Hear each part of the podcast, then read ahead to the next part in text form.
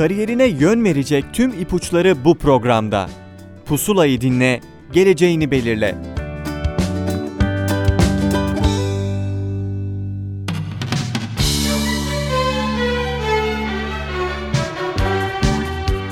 Merhaba sevgili dinleyenler, ben Adem Demirelli. Pusula'dan tüm dinleyicilerimize merhaba. Yaşar Üniversitesi bölümlerini tanıdığımız ve bölüm başkanlarının konuk olduğu programımızda bu hafta bize rehberlik edecek olan akademisyen konuğumuz, Yaşar Üniversitesi Sanat ve Tasarım Fakültesi, Çizgi Film ve Animasyon Bölüm Başkanı, Doktor Öğretim Üyesi Sayın İsmail Okay. Hocam hoş geldiniz. Merhaba, hoş bulduk. Nasılsınız? İyiyim, teşekkür ederim. Sizler nasılsınız? Ben de çok iyiyim hocam. Öncelikle bizi kırmayıp programımıza konuk olduğunuz için çok teşekkür ederim. Rica ederim. Ee, isterseniz kısaca sizi tanıyarak başlayalım. Kendinizden bahseder misiniz?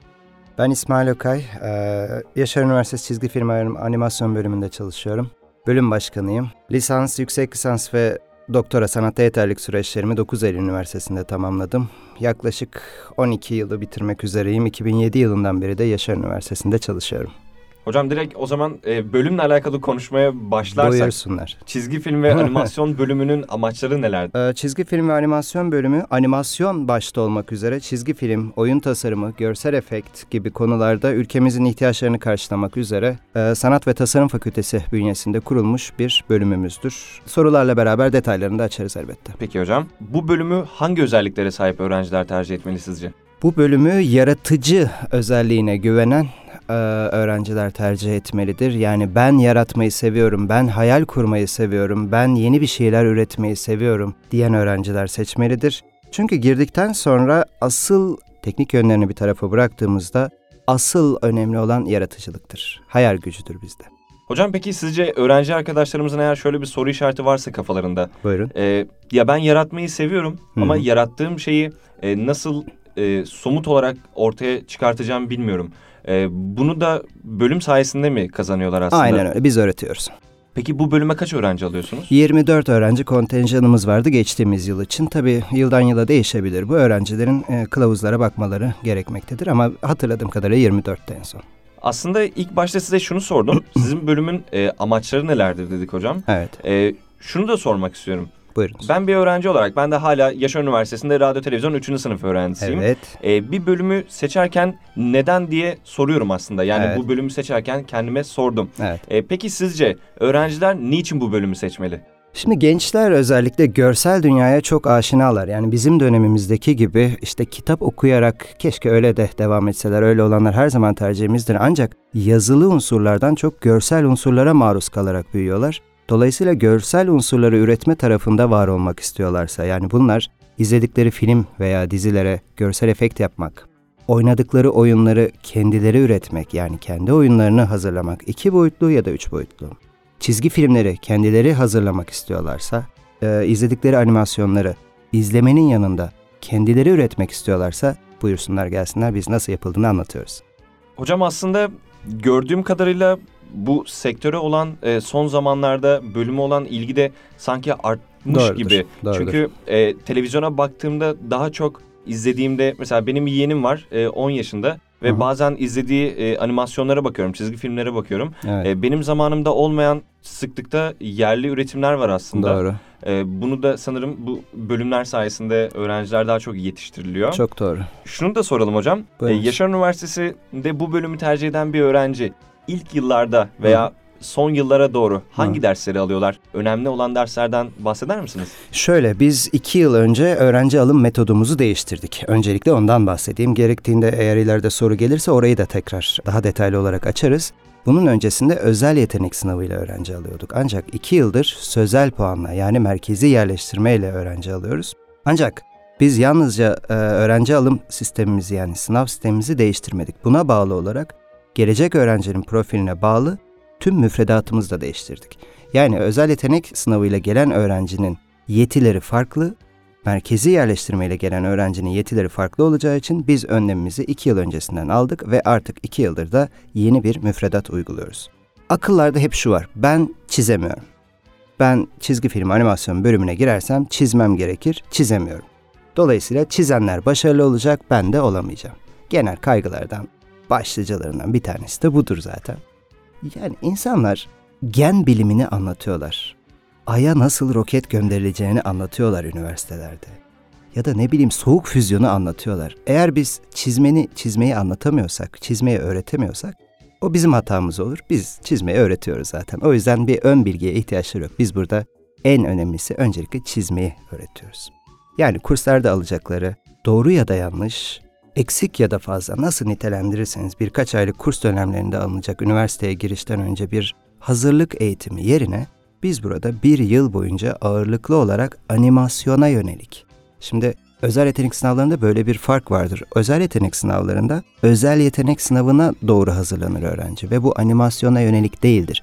Bir genel yerleşimdir. Ancak biz bunu kaldırdığımızda yani özel yetenek sınavını kaldırdığımızda ve sözel puanlı öğrenci aldığımızda gelen öğrenciyi birinci yılda öncelikle animasyona yönelik görme biçimleri, renk, hareket, çizim, temel desen bunları öğrenciye biz veriyoruz. Dolayısıyla öncelikle çizmeyi öğretiyoruz. Aslında belki biraz klişe olacak ama önemli Buyurun. olan istemek demek istiyorum. Ee, öyle istiyorsa yapar zaten. Ee, şunu da soralım. Buyurunuz. Ee, yurt dışı eğitim olanakları hocam. Yaratıcılık dediniz çünkü. Hı. Yaratıcılığı bence besleyen en önemli şeylerden bir tanesi de Hı hı. e, bulunabilecek kadar farklı kültürlerde, farklı or- ortamlarda bulunmak aslında. Çok doğru. Ee, peki bölümün yurt dışı eğitim olanakları nelerdir? Yani Erasmus'tan bahsediyorsunuz anladığım Evet hocam. kadarıyla. Erasmus anlaşmalarımız üniversitemizin yani üniversiteler arasında yapıldığı için üniversitemizin bağlı olduğu yani anlaşması olduğu tüm Erasmus kapsamına giren tüm üniversitelerle zaten bağımız var.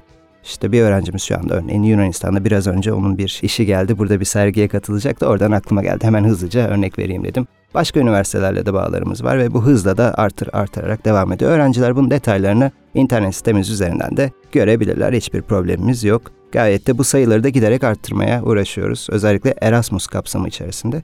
Bunun dışında da Erasmus programı dışında da uluslararası ofisle görüşmelerimiz sürekli irtibat halindeyiz, devam ediyor. Erasmus kapsamı dışında kalan üniversitelerle de özellikle Asya tarafıyla da çok ilgileniyoruz. Çünkü bu konuda Hindistan başta olmak üzere gerçekten iyiler. Yani dünyada animasyon sektörünü domine eden milletler oldukları için ancak Erasmus'a giremiyorlar. Onlarla nasıl bir çözüm ortaklığına gideriz diye çalışmalarımız da devam ediyor. Hocam peki bölümün fiziksel imkanları neler? Aa çok güzel. Yani en önemli ve en merak edilen şeylerden bir tanesi de aslında bu. Özellikle bu bölüm için. Öyle mi? Yani en garip cihazları kullanıyoruz. yani sizinkiler de epey garipmiş yani burada gör, gördüğümde. Bildikleri, duydukları veya özendikleri, öykündükleri tüm teknik ekipmanlar tümüne diyemem elbette ama hani etraftaki üniversitelerde ya da Türkiye'deki üniversitelerde animasyon bölümlerinde bulabileceklerinin üzerinde standartlarda e, makine parkurumuz var eğer makineden bahsediyorsak. Buna başta medya merkezimize bağlı olan stüdyolarımızın kullanımı olmak üzere yeşil perdeli veya işte ses kayıt stüdyoları, film stüdyoları, işte çekim ekipmanlarının alınması, öğrencinin ihtiyaç duyduğu ekipmanı ödünç olarak alıp kullanabilmesi. Ee, geçtiğimiz günlerde misafirimiz vardı. Ee, öğrenciler ihtiyaç böyle bir soru geldi çünkü oradan örnekleyeyim. Ee, öğrenciler işte yeşil perdede çekim yapmak istiyorlarsa ne yapıyorlar diye sordu. Yani nerede yapabilirler? Şimdi onun hayal ettiği yeşil bir bez getirecekler, e, sınıfta falan çekecekler diye düşündüler. Tabii medya merkezimize getirip de onu e, tanıştırdığımız zaman buradaki stüdyolarımızda çok olumlu bir geri dönüş aldık. O zaman da kameraları sordu, ışıkları sordu. Peki dışarıda çekim yapacaksa bir tane kamera, iki tane kamera vardır. E hepsine yetiyor mu bu dedi. Soru zaten pası atmıştı. Yani o öyle bir şey beklemiyordu. Dolayısıyla elimizdeki kamera, ışık vesaire her türlü ekipmanın şeyini görünce, gerçekliğini görünce e, gayet memnun bir şekilde ayrıldı buradan. Dolayısıyla her türlü ekipmanımız, teknik ekipmanımız var. Daha da detaylandıracaksam özellikle animasyon bölümlerinde en çok ihtiyaç duyulan ve öğrencinin edinme imkanı pek olmayan yani şöyle söyleyeyim İzmir'de hiçbir üniversitede yok bildiğim kadarıyla. Şeyde de yok, e, animasyon stüdyolarında da bulunmayan Render Farm.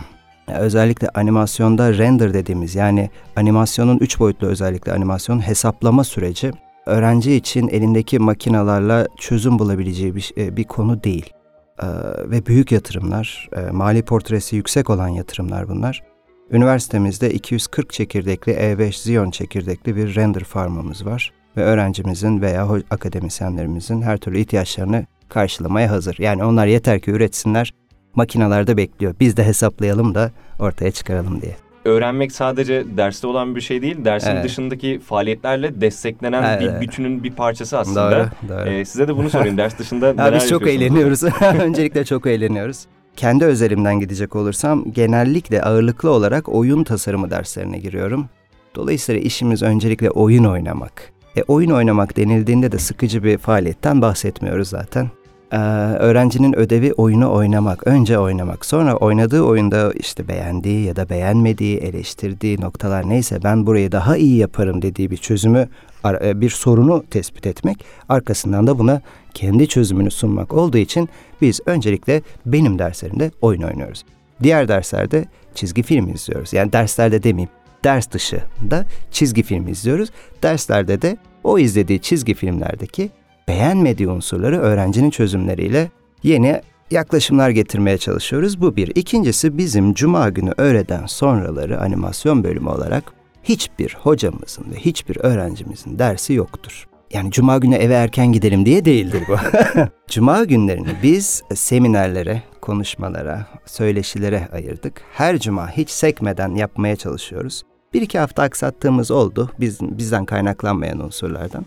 Ee, ama onun dışında hemen hemen her hafta devam ediyoruz. Ee, örneğin geçtiğimiz e, pazartesi aldık onu gerçi de geçtiğimiz şeyde e, süreçte renk e, post prodüksiyonda renk üzerine bir konuğumuz vardı.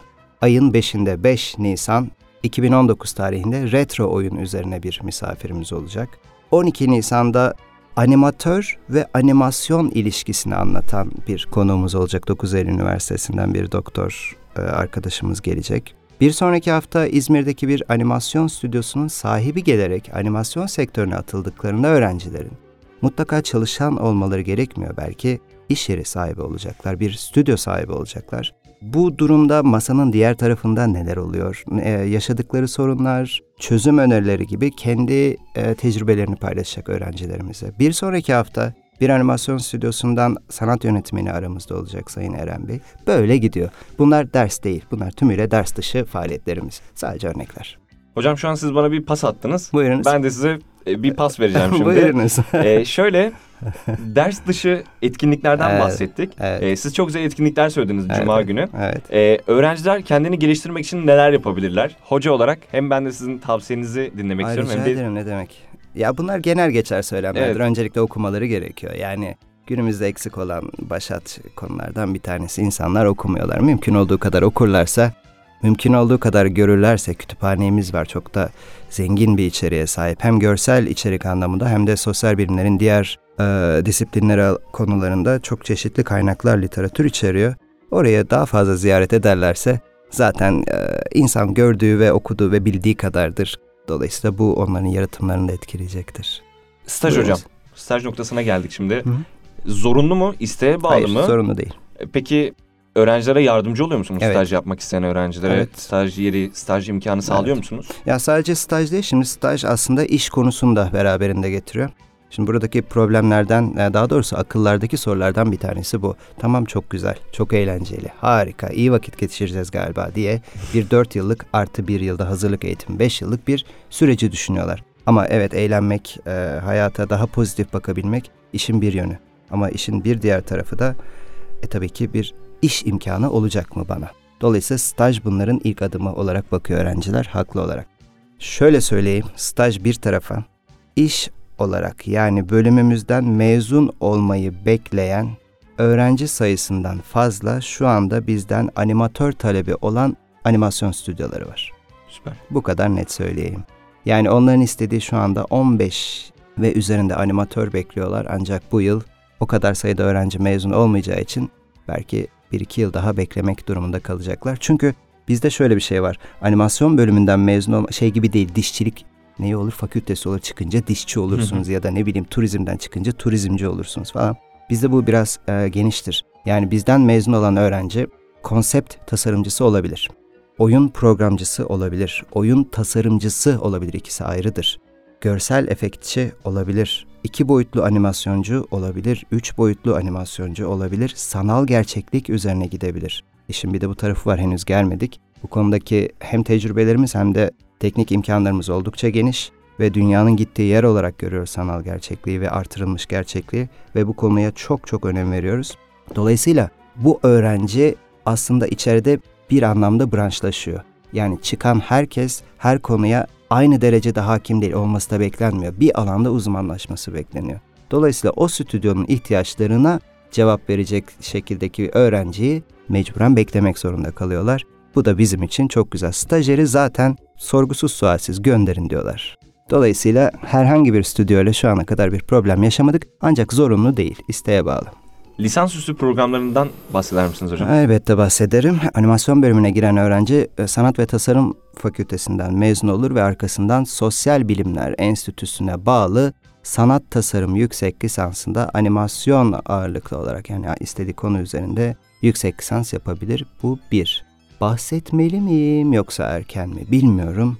Çünkü olmamış şeyler üzerinden yürümek, henüz netleşmemiş şeyler üzerinden yürümek pek konum değil. Ancak bunun yanında bir ön bilgi de vermek istiyorum. Bu yıl bir denemesini yapacağız. Kabul edileceğini öngörüyoruz. Ancak bir aksilik çıksa da bir sonraki yıl Sayın Sosyal Bilimler Enstitüsü Müdürümüz Sayın Doçent Doktor Çağrı Bulut'la birlikte hazırladığımız doğrudan doğruya oyun tasarımı ana bilim dalı, oyun tasarımı yüksek lisans programı var. Bunun dosyalarını hazırlıyoruz birlikte ve bunu yok arz edeceğiz. Onay geldiği takdirde de umarım ki e, hızlıca çözeriz bu işi ve Eylül'de de öğrenci almaya başlayacağız doğrudan oyun tasarımı üzerine. Hocam az önce siz bahsettiniz ama tek bir çatı altında, tek bir soru altında toplamamız gerekirse sizden rica etsem. Buyurunuz. E, tekrar mezun olduktan sonra öğrenciler hangi alanlarda çalışabilirler? Öncelikle animatör olabilirler herhangi bir anlamda. Animatör olabilirler, çizgi filmci olabilirler gene başlıklarla. Tabii bunları açmamız gerekiyor. İki boyutlu ya da üç boyutlu çizgi film üreten animasyon stüdyolarında doğrudan doğruya iş bulabilirler. Oyun tasarımı yapan veya oyun üreten yalnızca tasarımı değil game development yani İngilizceyle o development'ı tam olarak ne tasarım ne de yazılım karşılığı oyun üretimi alanında çalışan sektörlerde iş bulabilirler. Görsel efekt stüdyolarında dizi veya film sektörleri yani film veya dizi üretimiyle iliş- e, ilişkilendirebileceğimiz tüm stüdyolarda iş bulabilirler. Bunun dışında dünya değişti. Yani artık bir yerde iş bulmanın dışında oyun özelinden gidersek çünkü en son oradan konuşmamıza girmiştim. Artık bir yere bağlı kalmak, bir lokasyonda, bir coğrafi lokasyonda çalışma ve insanların o noktada bir araya gelmeleri gerekliliği çok da elzem değil. İnsanlar dünyanın çeşitli noktalarında birlikte bir araya geliyorlar ve sanal platformlarda işlerini üretiyorlar. Yani ne demek istiyorum? Yani Türkiye'de İzmir'de bir öğrenci bir animasyonun riglerini yaparken diğer bir mezunumuz diyelim veya diğer bir animatör dünyanın çok başka bir noktasında yani Norveç'te bu işin statik modellerini işte matte paint'lerini yapabilir. Diğer bir e, animatör dünyanın çok çok başka bir noktasında işin renk düzeltmelerini yapar. Öbürü animasyonlarını yapar. Diğeri motion e, hareket yakalamalarını yapar vesaire ve böylelikle bir araya gelip yani eskiden bizim freelance dediğimiz ancak genellikle tekil çözümler olan iş örneklerin aslında sanal ortamda bir araya gelinerek takımlar oluşturma yöntemiyle de iş üretebilirler. Ancak bunun yanında tabii ki özellikle oyun sektörü çünkü oyun sektörü çok gelecek vaat ettiği için hep oradan gidiyorum. Tek başlarına doğrudan doğruya bir oyunu başından sonuna üreterek çeşitli pazar ortamlarına e, bunlar işte Android tarafında veya işte iOS tarafında çeşitli örnekleri var. Reklama girmesin isimlerini vermeyeyim. Ee, oraya doğrudan doğruya kendi isimleriyle yükleyebilirler. Yani ne bir patrona ne bir çalışana da ihtiyaçları yok. Dolayısıyla böyle çözümler de var. Dünya artık eskisi gibi ben bir yere gideyim orada saat 9'da başlayayım. Akşam 5'te çıkarım. İşte eşim de yemeği hazırlar falan. Ya, o dünya değişti artık. Dolayısıyla yeni e, iş örnekleri de yeni iş modelleri de var. Hocam aslında söylediğinize kesinlikle katılıyorum. Çoğu büyük şirkette çalışma saatlerinden ziyade çalışanlarının istedikleri zamanda gelip önemli olan verilen işi bitirmesini talep ediyor çalışanlarından. Google başta olmak üzere değil Evet. mi? Google örnekleri Ve başta olmak Şuna üzere. baktım açıkçası. Şimdi aklıma geldi siz söyleyince. E, geçenlerde bir yerde okumuştum. Çoğu büyük şirketin mesela Facebook, YouTube, Twitter gibi şirketlerin Hı. içerisinde çalışan çalışanların ortalama çalışma süresi 2 ile 3 yıl arasındaymış. Hı. Aslında sokağa çıksak şu an sorsak çoğu insan ben bir şirkete gireyim, bir kuruma gireyim. 10 yıl, 15 yıl orada hiç koltuktan kalkmadan çalışayım istiyor. Emekli olayım değil mi Evet. oradan da? Ama şu anki sizin söylediğiniz gibi Ama dünya e, öyle değil artık. Evet yani Ee, bir devinim var. evet. Sürekli bir değişim var. O yüzden söylediklerinize kesinlikle katılıyorum. Ee, çok teşekkür ederim öncelikle Ay, programa rica konuk ederim. Ne aldığınız için. demek? Rica ederim. Ne demek? Bu konuda bir ekleme daha yapayım. Lütfen. Dün e, geçen gün gelen konuğumuz da aynı şeyi söyledi. Zaten sektörde gördüğümüz bir şeydi. Özellikle görsel efekt. Hep oyundan yürüdük. Biraz da görsel efektle ilişkili bir örnek vereyim. Görsel efekt konusunda çalışan veya renk düzeltme konusunda çalışan ve sanat tasarım fakültesi bünyesi altındaki çizgi film animasyondan mezun olan, bölümünden mezun olan öğrencilerde şunu bilmeliler. Genellikle projeleri proje bazlı olacak, işleri proje bazlı olacak. Yani bir filmde çalışacaklar ve o filmin yapımı 2 yıl, 3 yıl sürecek sizin de örneklediğiniz gibi. Film bitince işleri bitecek orada. Ama o iş bitmeden zaten bir başka firma ve bir başka filmle zaten kontratları hazır olacak ve iş bittiği gün oradan ayrılıp örneğin İngiltere'deki bir film çekiminden, örneğin Finlandiya'daki bir film çekimine, oradan Amerika Birleşik Devletleri'ne, oradan belki Türkiye'deki bir film çekimine kontratları hazır olarak oradan oraya, oradan oraya gezecekler dünyayı. İş böyle artık, dünya böyle. Hocam burada pusulanın sonuna geldik artık. Size sormak istiyorum. Eklemek istediğiniz bir şey var mı? Bekliyoruz hepsini. Yani yaratmayı seviyorlarsa bekliyoruz. Yani Hocam- neyi merak ediyorlarsa da biz burada anlatıyoruz. Neye ihtiyaçları varsa da anlatıyoruz. Dolayısıyla herhangi bir şeyden çekinmelerine gerek yok.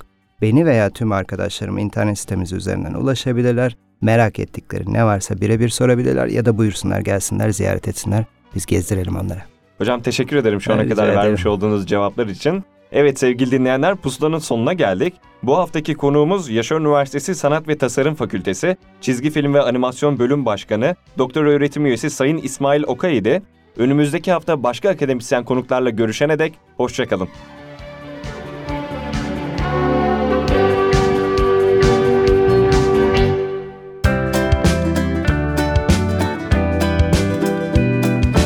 Kariyerine yön verecek tüm ipuçları bu programda. Pusulayı dinle, geleceğini belirle.